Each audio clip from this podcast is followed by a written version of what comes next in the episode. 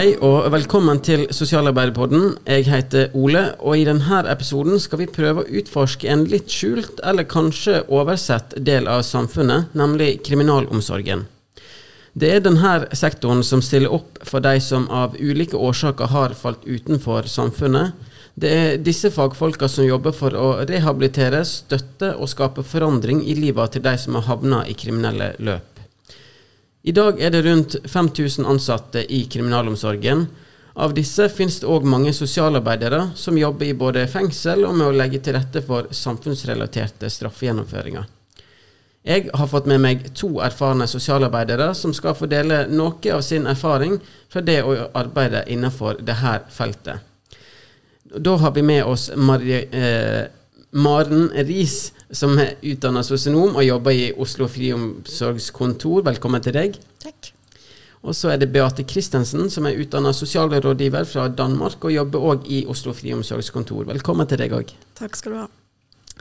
Eh, altså nå, eh, Dette var jo en veldig kort introduksjon av dere to. Men hvis jeg skulle liksom bedt dere introdusere dere sjøl, hva vil vi fått høre da, Beate? Eh, jeg er født og oppvokst i Oslo. Eh, og er utdannet sosialarbeider og har jobbet i kriminalomsorgen i 23 år. Eh, og så bor jeg på Ekeberg og har to tenåringsgutter hjemme. Og ja.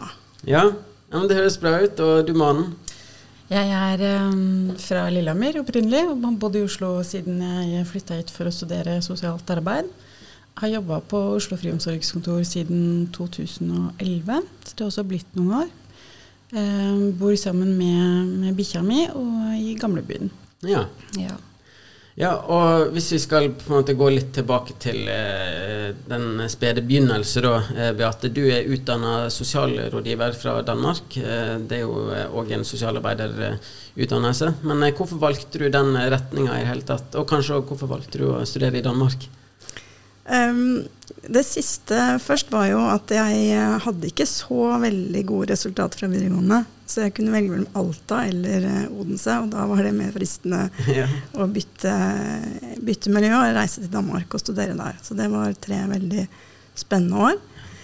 Uh, jeg ønsket en profesjonsretta utdanning som var effektiv, så jeg kom raskt ut i jobb, og at det var en del sånn praktisk praksis under utdanning.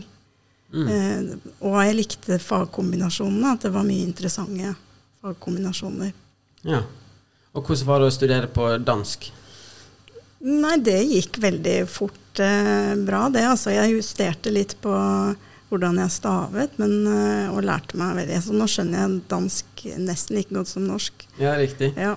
Men hva, altså, merker du eh, Var det en overgang det å komme til Norge liksom med fagbegrep og den type greier, eller gikk det greit? Det gikk veldig greit. Ja. Ja. Ja, og mannen, du eh, valgte å studere sosionom Ja, i hovedstaden. I hovedstaden Ja. på Høgskolen i Oslo, som det het da. Eh, jeg tror nok at bakgrunnen for at det ble sosialt arbeid, er fordi jeg alltid har vært veldig interessert i mennesker.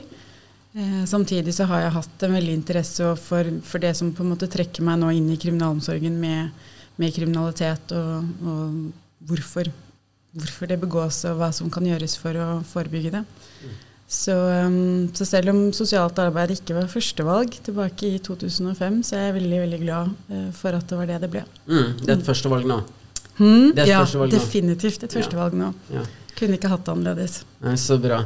Eh, nå har jo dere ganske lang erfaring fra det her feltet, altså kriminalomsorgen, eh, som er jo eh, et eh, stort og komplekst felt. Men hvis dere skulle Og så har dere jobba mest innenfor friomsorgen, sånn som jeg har forstått det. Hvis dere skulle gitt oss som ikke har eh, en eh, ja, egen erfaring fra å jobbe innenfor det feltet, hva, hvem er kriminalomsorgen og friomsorgen, og hva, hva er det dere jobber med der? Som du sa innledningsvis, så er kriminalomsorgen kanskje en litt sånn skjult eh, virksomhet. Og kriminalomsorgen i frihet, som det het den gang jeg begynte, og som nå heter Friomsorgen, er jo desto mer skjult. Fordi eh, når det skrives om kriminalomsorgen, så er det stort sett hva som foregår i fengsel, og lite hva som foregår i samfunn. Så hos oss eh, i Friomsorgen det er jo organisert sånn at det er et friomsorgskontor i hvert fylke. Og vi organiserer alle straffegjennomføringsreaksjoner og former som skjer i samfunn. Og det er da fotlenkesoning, elektronisk kontroll. Og så er det betinga dom med vilkår om program mot ruspåvirket kjøring. Eh, og så er det samfunnsstraff. Eh, og så er det oppfølging av prøveløslatte, som kalles for møteplikt. Og så skriver vi personundersøkelser som påtale og domstol bruker for å vurdere straffereaksjoner. Da. Og det er mhm. særlig brukt for de som var mindreårige da de begikk kriminalitet. Ja, Men hvem er det som uh, Kanskje ikke glemme uh, mm. altså program Domstolskontroll. Kontroll. Mm. kan du hjelpe meg her, Beate? Eh, ND. ND. Det høres ut som sånn stammespråk, nesten. ja. Sånn. Eh, fordi det er jo kun Oslo og Bergen som ikke, eh, som friomsorgskontor som ikke har ND, eh, narkotikaprogram med domstolskontroll. Mm. Eh, mens resten av friomsorgskontorene i Norge har også den straffereaksjonen eh, som de selv jobber med. Mm. Ja. Og, den er ganske stor, en stor del av jobben deres. Ja, og, og målgruppa for Hvis vi tar friomsorgen, hvem er det som eh, Altså, hvem av de domfelte soner eh, innenfor eh, friomsorgen? Eller hvem er liksom Alle. Mm. Alle fra fylte 15 til, eh, til, så gamle de er når de eh, får straff. Mm. Ja. Det er like stor variasjon som de som soner i fengsel. Det er jo alt fra drapsdømte til folk som har kjørt for fort. Ja, så det er ikke noe, man skiller ikke nødvendigvis på alvorlighetsgraden i dommen hvorvidt uh, man kan uh Altså Drapsdømte er jo vi i kontakt med stort sett etter de har vært i fengsel. Eh, sånn at det er oppfølging ja. med særlige vilkår. så da er det jo helt på slutten av en straffegjennomføring. Mm. Det er en slags progresjon, da. Hvor ja. vi er inne helt på slutten. Mens en fartsovertredelse det kan jo være en samfunnsstraff, f.eks. At du skal gjøre 30 timer på to måneder mm. hos oss. da. Ja, riktig. Ja. Mm. Så det kan være de som bare Jeg vet ikke om man sier at man soner i friomsorgen, men dere skjønner hva jeg mener. Mm. Eh, det kan være de som bare er innenfor friomsorgen, men det kan òg være som eh, en slags oppfølging etter man har vært f.eks. i fengsel en periode. Mm. Ja. ja, det er mange, mange former. og sånn som med De som blir dømt til, eh, eller de som kan sone med, med, fotlenke, de må søke om det selv. Og de kan både ha en helgjennomføring hvor de slipper å inn i fengsel først, hvis det er sånn at de har en dom på under seks måneder. Eh, eller de kan ha det som siste delen av straffen sin hvis de har en lengre dom, og da komme fra fengsel til, til å kunne sone med fotlenke. Mm. Det samme gjelder også for personer som sliter særlig med, med rusproblematikk. Så har vi eh, Friomsorgskontorene har ansvaret for gjennomføring av eh, paragraf 12-soning, som er da straffegjennomføring i institusjon. Eh, og den kan også både være en del av eh, en fengselsstraff, altså i ettertid av, av, fengselet, eller så kan man også ha en helgjennomføring i en institusjon hvis man har, har en dom på under tolv måneder. Ja. Mm. Og hvordan eh, Altså, jeg vil jo tro man jobber med veldig mye forskjellig innenfor friomsorgen, men går det an liksom å, å beskrive ei typisk arbeidsuke for ansatte på et friomsorgskontor? Det er jo en jobb hvor man jobber relasjonsbasert og, og, investerer i å bygge en trygg relasjon og tilpasse innholdet til de behovene som er hos den domfelte. Eh, så det å ha tid til Eh, å skape en trygghet, sånn at man kan gjennom det klare å koble disse domfelte på hjelpetjenester ute. Da. Så det er jo samarbeid med kommune og, og, andre hjelpetjenester og frivillig sektor som er nøkkelen. Da, å, å ha et profesjonelt nettverk rundt seg som, som man kan bruke og, og samarbeide med. Mm. Ja, og hvordan, altså Hva tilnærming har man til eh, til disse menneskene for liksom å bygge relasjoner, f.eks.? Hva, hva, hva er viktige egenskaper å bære med seg?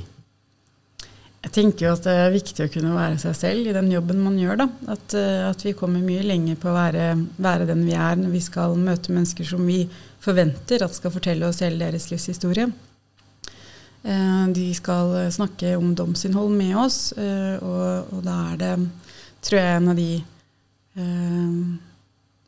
på en måte nøklene til å kunne få en god relasjon også handler om å kunne gi av seg selv. Og så må man selvfølgelig finne sine egne preferanser på hva som er skillet mellom privat og personlig. Men, men jeg tror at uh, det er viktig med å kunne være seg selv i den jobben vi gjør, da, for mm. å kunne faktisk være med og, og være av betydning for, for positiv endring. Mm. Ja, for hva, hvordan opplever dere at det er for uh, de domfelte å møte dere for første gang? Det, merker dere ofte at det er en eh, barriere på hva de ønsker å snakke om, eller at de bærer med seg skam eller eh, frykt eller andre ting? Jeg opplever Nå har jeg jobbet veldig mye med ungdom med minoritetsbakgrunn med tilhørighet til kriminelle nettverk, og de har jo ofte en stor skepsis til hjelpere. Og har møtt mye hjelpere. Og har gode strategier for å holde avstand til hjelpere. Så, så det er jo en utfordring, mm. Eh, det. Og hvordan møter man det, da? ja, det er jo den, den evige balansen da, mellom å stille krav og vise forståelse, da. Eh, og, og, jobbe litt oppsøkende og samarbeide med andre tjenester som, så, ja, som er mer tilgjengelige enn oss, fordi vi jobber jo litt sånn dagtid. Mm. Eh, så vi nest, vi prøver å få samtykke til å snakke med og samarbeide med ressurspersoner som, som kjenner ungdommene. Mm. Ja, for jeg vil jo anta at uh, en del av uh, deres arbeid handler òg om å samarbeide med andre instanser. Eksempel, mm. om det, ja, på, koble på andre instanser eller samarbeide med de som allerede er inne i bildet. Hvordan hvordan er det en eh, stor del av eh, arbeidshverdagen? På mange måter så er det jo det. Jeg har hovedsakelig jobba med, med, de som blir prøveløslatt fra, fra, fengsel med vilkår om møteplikt. Um, og mange av de har jo allerede en ganske sånn uh, Ikke nødvendigvis den beste erfaringen med kriminalomsorgen som etat. Så det å liksom skulle komme til oss og fortsette, at vi skal fortsette å være en autoritet og være kriminalomsorg, det skaper også en form for avstand. Uh, samtidig så har jeg vært veldig heldig. Jeg har hovedsakelig jobba med tiltak overfor gjengangere, så jeg har fått ha en stilling 50 inn i Oslo fengsel i mange år. Som gjør at uh, den relasjonsbyggingen som blir veldig viktig da, i, i all jobb vi gjør, den kan jeg starte i fengsel, sånn at jeg kan ta det med meg uh, når vi skal ha oppfølging ute. Og da vil absolutt samarbeid med særlig uh, Nav være veldig viktig. Det vil mm. være viktig å få på plass bolig få på plass et sted å, bo, et sted å være, et sted, et sted å jobbe. Eh, og ikke minst nettverk. Eh, samtidig som den økonomiske biten er kjempeviktig å også ha på plass før en, før en prøveløslatelse. Mm. Så samarbeid blir veldig viktig. Og så er det nok veldig stor forskjell på, på ungdomsfeltet og, og, de som er voksne. Det er flere ressurspersoner inne til de som er, er noe yngre. Mm -hmm. mm. Ja. Ja, for, for du Beate jobber da med, mest med ungdom. Uh, og eh, hvordan er Altså, jeg har bakgrunn fra barnevernsfeltet, f.eks. Eh, Nav. Eh, Taushetsplikten er jo ofte eh, kan jo være noe til hinder for f.eks. Eh, samarbeid med andre instanser, men òg man skal ja, det er ikke alt som er like lett å prate, prate, om, og kanskje er det spesielt krevende når man jobber med, med unge folk. hvordan hvordan forholder du deg til det?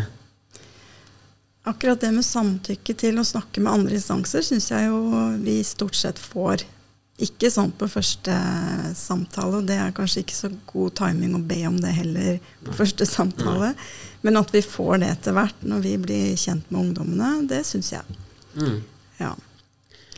ja, og eh, nå har jo dere gitt en liten sånn eh, beskrivelse av hvordan det er å jobbe i eh, i friomsorgen. Men så vet jeg at dere har litt andre type jobber nå. Altså du, eh, Maren, du er prosjektleder for eh, et eh, program som retter seg mot domfelte for seksuallovbrudd.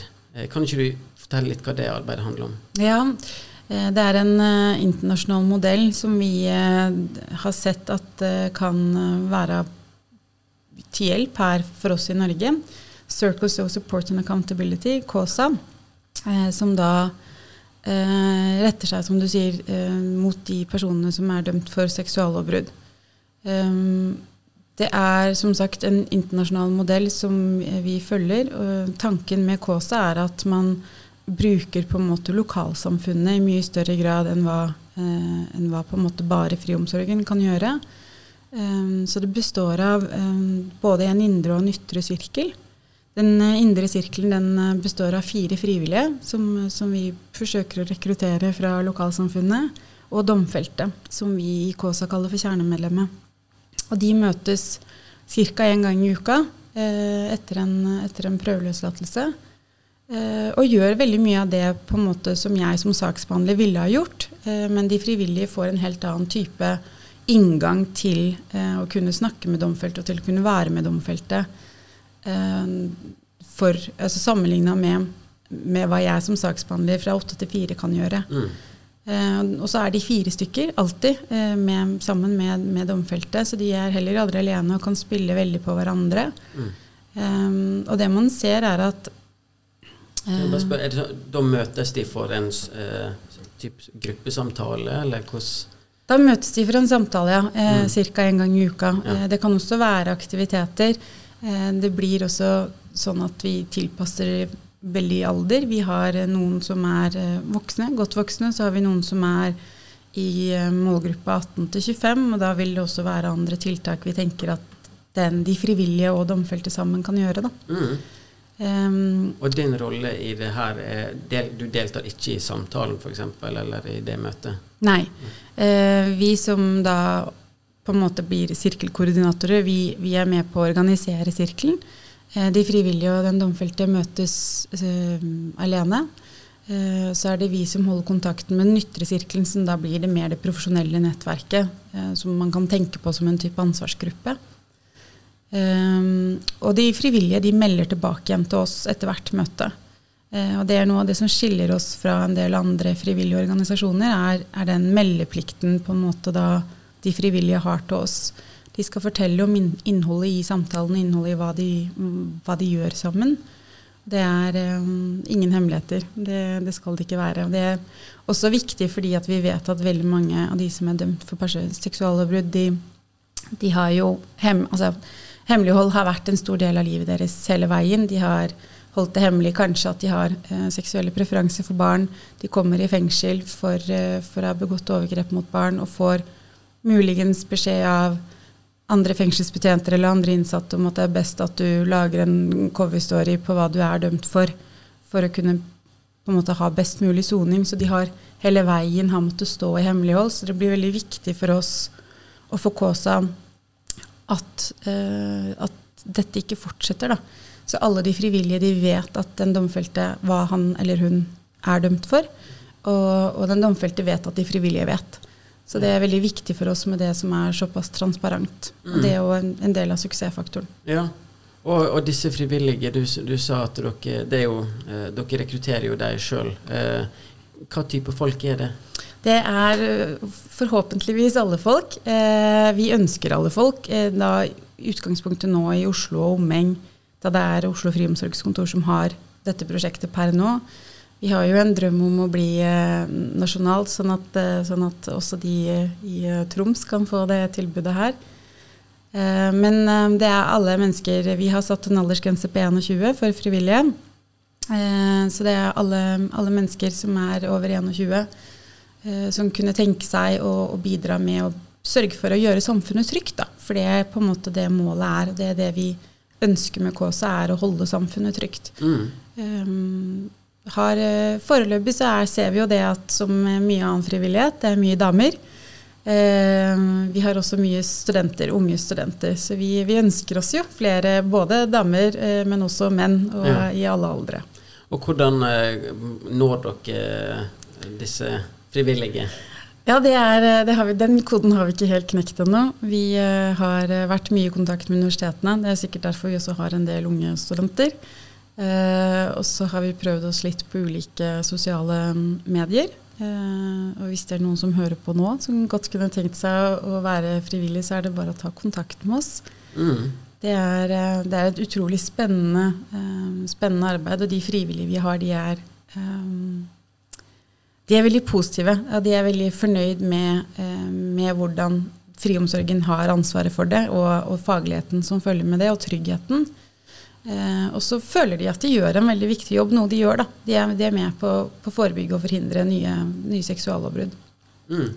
Ja, nå, og det her prosjektet som du har ledet, det har vart nå i ca. to år? er det sånn? Ja. ja. Kan du si noe om eh, altså, hva, hva effekt ser du av programmet? Um, foreløpig så kan ikke jeg snakke effekt sånn når det gjelder domfelte i, en, i, i, nasjonal kontekst. Vi vet fra internasjonal kontekst at uh, KSA har vært bidragsytende til å redusere tilbakefall til seksuallovbrudd med 70-100 um, De erfaringene vi 70-100 Ja. ja så skal det sies at, at uh, personer dømt for seksuallovbrudd har lav risiko for tilbakefall i utgangspunktet. Det er veldig viktig. Uh, det er veldig mange som tror at at det er omvendt. Eh, men de har i utgangspunktet en lav risiko for tilbakefall. Og så sørger vi for at den blir enda lavere med, med KSA. Eh, og for vår del så ser vi jo det at eh, de domfelte vi jobber med, de, det virker til at de kan profitere veldig godt på det. De har også hatt lange dommer i, i fengsel og har et kanskje ambivalent, ambivalent, eh, forhold til eh, kriminalomsorgen. Og det mm. da å få lov til å, å, ha noen andre som kan følge opp den veldig viktige tiden eh, når de er prøveløslatt, da, eh, kan også være veldig, veldig fordelsaktig. Mm. Mm. Men eh, altså jeg, jeg, det er jo helt klart at dette er et veldig viktig og jeg vil tro meningsfullt eh, arbeid å, å drive med. Samtidig så er jo denne eh, si, målgruppa som du jobber med, har jo eh, Altså samfunnet har jo et visst syn ofte på eh, den målgruppa. Hvordan vil du si at det påvirker den jobben du skal gjøre?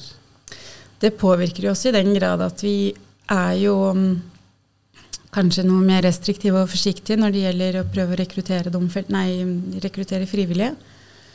Um, det er vi har mye fokus på, og, og, som er viktig for oss, er at, at uh, hovedformålet med KSA er å forebygge nye seksuallovbrudd. Det er ikke nødvendigvis at vi er der kun for å hjelpe den domfelte. Uh, vi er der fordi uh, vi ønsker å trygge samfunnet. Og det gjelder jo generelt friomsorgen. Men, men, vi er nok mye mer varige på, på, hvordan vi snakker om det, og, og og hvordan vi òg går ut når vi prøver å rekruttere. Eh, vi har hatt infokvelder eh, hvor det har kommet både to mennesker og, og, nesten 20 mennesker. Og vi er jo da eh, også veldig var på, på, hvem vi får inn i våre lokaler. For da har vi jo gått litt mer åpent rundt, og så er det en åpen infokveld om, om prosjektet og om det å være frivillig. Og, eh, så vi har det liksom alltid med oss at det kan komme noen som, som ønsker å ha et mye mer negativt syn på det, da. Mm. Har dere opplevd det? Ikke ennå. Vi har fått noen tilbakemeldinger på noen Facebook-poster om at uh, kriminalomsorgen ikke klarer å jobben sin selv. Og til de så vil jeg jo bare si det at uh, suksessfaktoren her er de frivillige. Og det er ikke fordi vi ikke klarer å jobbe med oss selv. Uh, det er nettopp fordi vi ønsker at den skal gjøres. Ja, mm. og så trenger man noen til å koordinere arbeidet uansett. Det gjør man, ja. ja. Men eh, fra en eh, Altså fra en målgruppe til en annen, holdt jeg på å si. Du Beate, jo, du jobber mest med ungdom. Du er ungdomsleder på Friomsorgskontoret, stemmer ikke det? Det stemmer. Ja. Ungdomsansvarlig. Ungdomsansvarlig, ja. ja. Det er en uh, stilling eh, som ble opprettet uh, i fjor. Det var ti stillinger til friomsorgen. En ungdomsansvarlig på ti, de ti største friomsorgskontorene. Pluss at det ble etablert et ungdomsteam i Bergen, Trondheim og Oslo fengsel.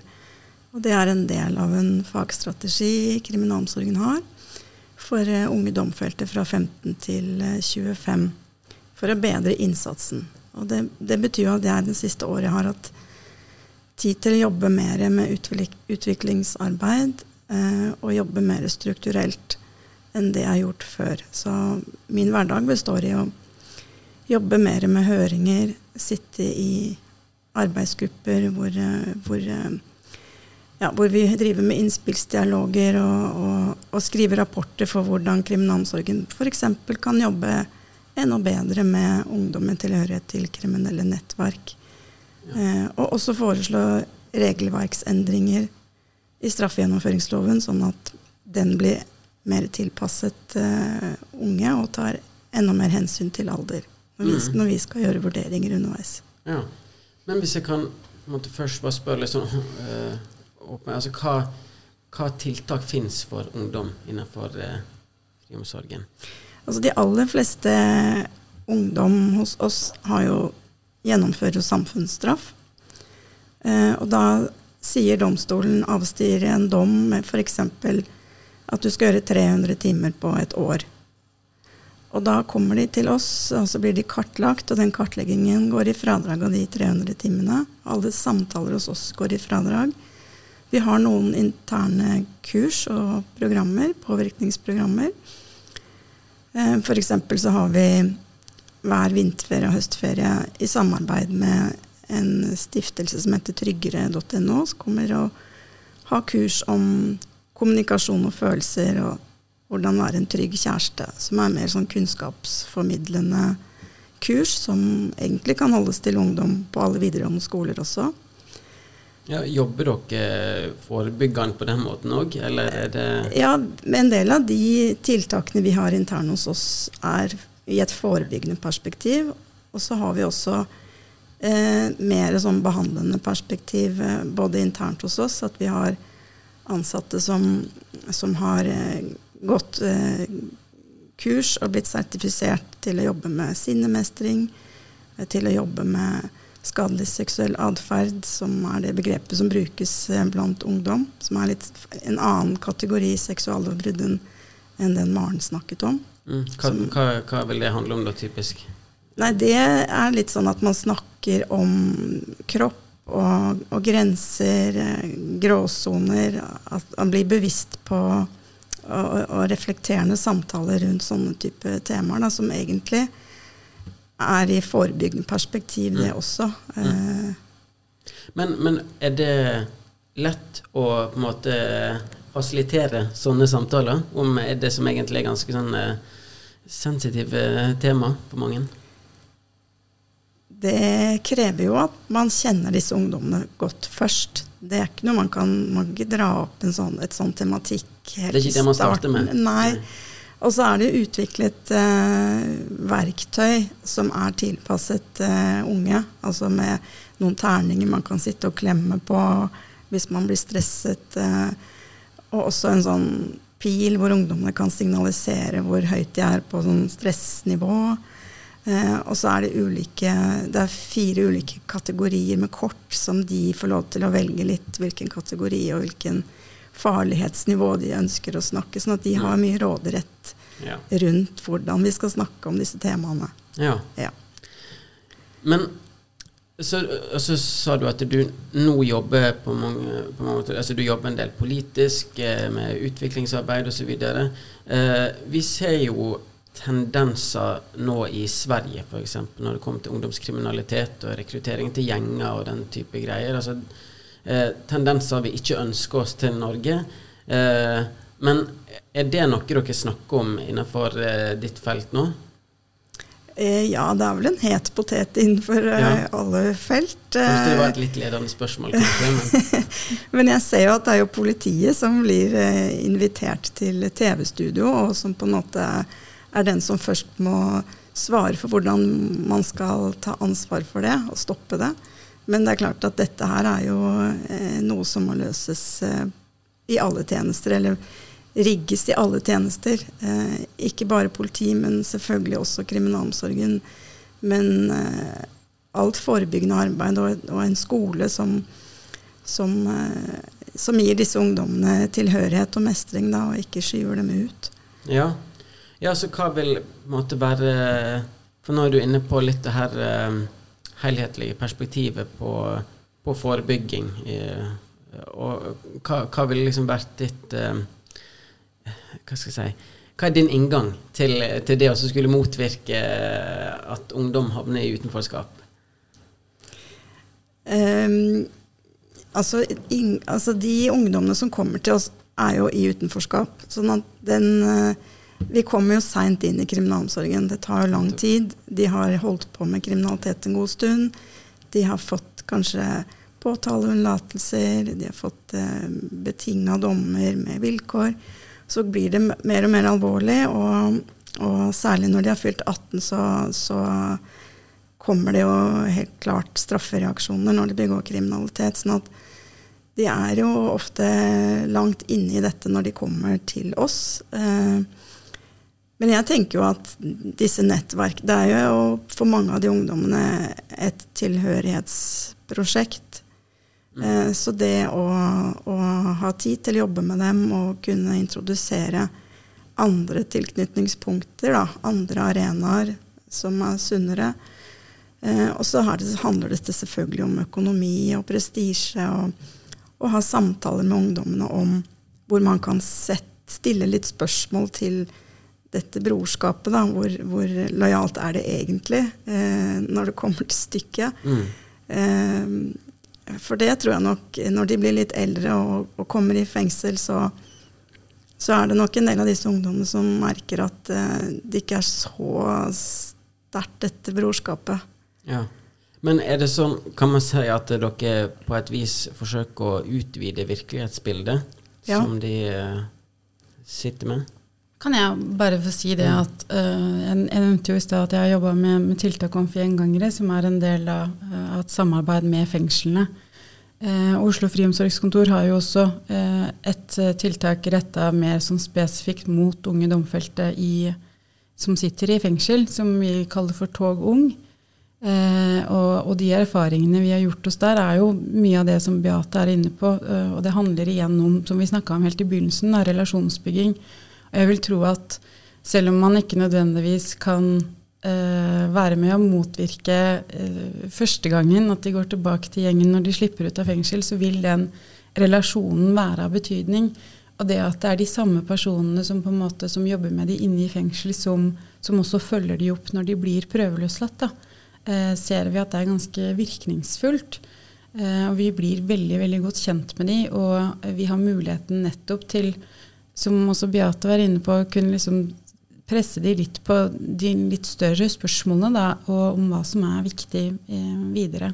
Mm. Eh, og vår erfaring er jo at selv om de ofte havner i fengsel både én og to ganger til, så, så husker de eh, de menneskene de jobba med i starten. De husker oss, de tar gjerne kontakt med oss. Men hvis jeg kan spørre deg, eh, eller egentlig begge to, da, men eh, begynner med deg, Manu. Altså det her med at de, dere ser tilbakefall. Eh, hva Påvirker det liksom motivasjonen deres, eller må dere endre eh, måten å jobbe på, eller er det noe som dere tenker er liksom en naturlig del av eh, det dere jobber med?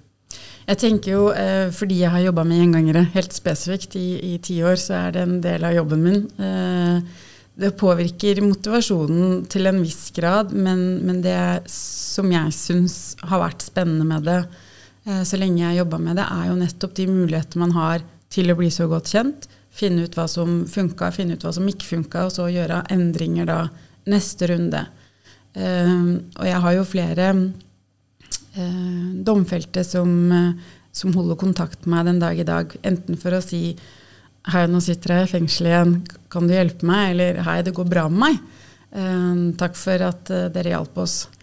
Så, så, det er jo jeg, jeg syns jo det Jeg har aldri Det har vært veldig viktig for meg at jeg ikke blir skuffa på, mm. dere, eller på deres vegne, for det er, ikke, det er, ikke, min skuffelse.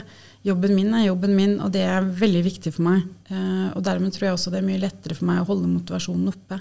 Ja. For det er ikke en personlig skuffelse. og jeg, ikke, jeg går ikke inn og syns 'Å, herregud, så utrolig kjipt'. Liksom. Jeg vet at dette er en del av virkeligheten. Mm. Ja, det tror jeg er et viktig perspektiv å ha med seg, egentlig uansett når man eh, jobber innenfor det sosialfaglige feltet, men kanskje spesielt med tanke på det du jobber med. da. Men Beate, hvis jeg skulle spurt deg litt det samme, stilt deg det samme spørsmål som jeg eh, gjorde med Mane i stad, altså hva tenker du er den største misforståelsen eh, samfunnet har knytta til de ungdommene som du jobber med? Mm, ja, det Om det er noen misforståelse, da. men det... Jeg tror i hvert fall, eh, hvis vi snakker om den straffereaksjonen som ungdommer eh, stort sett gjennomfører hos oss, samfunnsstraff, så tror jeg nok den største misforståelsen er at man ser for seg at disse går med gule dresser og plukker søppel. Da. Eh, og, at, og at en eller annen tro om at det skal være ubehagelig, og så skal ungdommene tenke at nå må jeg slutte med kriminalitet, for dette var dumt å gå og plukke søppel. Det, det er mer enn som så? Det er mer enn som ser, og det er jo ingen som plukker søppel og gjennomfører samfunnsstraff. Det er en myte som også lever blant ungdom. Ehm, vi samarbeider jo med frivillig sektor eh, hvor de gjør Altså en samfunnsnyttig tjeneste er jo en stor del av de f.eks. 300 timene jeg nevnte, så er kanskje 200 av dem at man hjelper til et sted. Eh, og da er det jo eh, at man er en medhjelper på like fot med andre frivillige, hvor man ja, hvor man er i et miljø som er preget av raushet og inkludering. Eh, og at man kanskje eh, fortsetter å være der som frivillig etter man er ferdig med straffen. Det ser vi jo at vi av og til får til. Det er en stor suksessfaktor. Så vi har ikke troen på, på, at man skal gjøre ubehagelige ting eh, og da tenke at dette skal jeg unngå neste gang. Mm. Eh, det er mer det å skape tilhørighet eh, og bygge tillit mm. som, er, eh, som, er, viktig for oss, da. Faktorer som faktisk kan bidra til ja. endring. Ja. Mm. Ok, men nå, eh, Når jeg først har dere to her, så må jeg også spørre dere, for dere er jo FO-medlemmer. Hvorfor er dere det, mannen? Jeg ble FO-medlem når jeg var student tilbake i 2005, og har vært det siden. Det er litt av prinsipp, fordi jeg er eh, stolt sosionom eh, og vet at FO jobber for meg. Jeg syns det er viktig med, med solidaritet. og Det er også på en måte de verdiene og prinsippene jeg har. Samtidig så har jeg fremdeles en drøm om at uh, sosionomer også skal bli autoriserte, sånn at uh, vi faktisk kan miste en autorisasjon hvis vi ikke gjør jobben vår riktig. Mm. Og det skal vi definitivt jobbe, jobbe, med. Eller vi jobber med det allerede. Vi hadde jo faktisk besøk av eh, LO-lederen på vårt landsmøte for, for, litt siden, som sa at de støtter oss i kravet og har lyst til å være med oss og jobbe for et krav på det. Men det får vi heller komme litt tilbake til. Eh, Beate, hvorfor er du medlem i FO? Eh, for å være med i et fellesskap som er opptatt av faget, og opptatt av å utvikle faget. Mm. Kort og godt svar. Ja. Det liker jeg. Ja. Uh, nå skal vi gå litt inn for landing her, men da, hvis jeg skulle bedt dere komme med liksom et siste budskap til ja, enten FO eller uh, myndigheter eller politikere, hva, hva ville det vært da, mann? Jeg vet ikke om jeg egentlig kan svare veldig kort på dette, men Eh, for meg så er det jo viktig at både FO eh, og, og politikere eh, altså gjenkjenner og anerkjenner den viktige jobben kriminalomsorgen gjør. Og i det så er det også veldig viktig for meg at friomsorgen blir helt sånn spesielt sett på. vi forsvinner ofte i, i kriminalomsorgen. Er, kriminalomsorg er ofte lik fengsel. friomsorgen er kjempeviktig. Friomsorgen er et sted hvor vi har sosialarbeidere som jobber med tilbakeføring og integrering i samfunnet som er noe av den viktigste jobben vi kan gjøre. Eh, og det da å um, unngå å snakke høyt om friomsorgen, eller at friomsorgen blir en del av noe uten at det helt spesifikt er nevnt, uh, tror jeg undergraver den jobben vi gjør. Mm. Det tar vi med oss. Da skal vi bidra til å sette det høyere på dagsordenen. Takk. Uh, Beate? Uh, ja, det viktigste har jo Maren sagt nå. Ja. Men det, det, jeg tenker at de flinkeste samarbeidspartnerne vi har, og de viktigste, er ofte i prosjekter. Sånn at hvis man hadde fått mer varige stillinger som jobbet spesifikt eh, og spesialisert, ser ofte at de spesialiserte tjenestene vi trenger, er prosjektbaserte, og det, de kommer og går. Og det gjør det litt sårbart. Så, mm. så mer eh, ja, finansiering som er varig, eh, tenker jeg. Også, også at, at, det er ansatte, at Nav er rigga til å jobbe mer eh, oppsøkende og mer sosialfaglig eh, for den gruppa som vi jobber med. Mm. For jeg vil tro dere er òg avhengig av at eh, apparatet rundt henger sammen og, og, tar sin del av ansvaret, for å si det sånn. Ja, absolutt. Helt klart. Men eh, Mann og Beate, tusen takk, for at dere, tusen takk for den jobben dere gjør, og for at dere kom til Sosialarbeiderpodden og delte noe av deres erfaring og innsikt i dette feltet. Så takk for besøket. Takk, takk for at vi fikk komme. Ja. Og til dere som lytter på, takk for at dere hang med i enda en episode. Og glem ikke at vi stadig vekk lanserer nye episoder, og tips igjen en venn eller en kollega om å følge oss i tillegg. Og inntil neste gang, ha fine dager, og så høres vi snart igjen.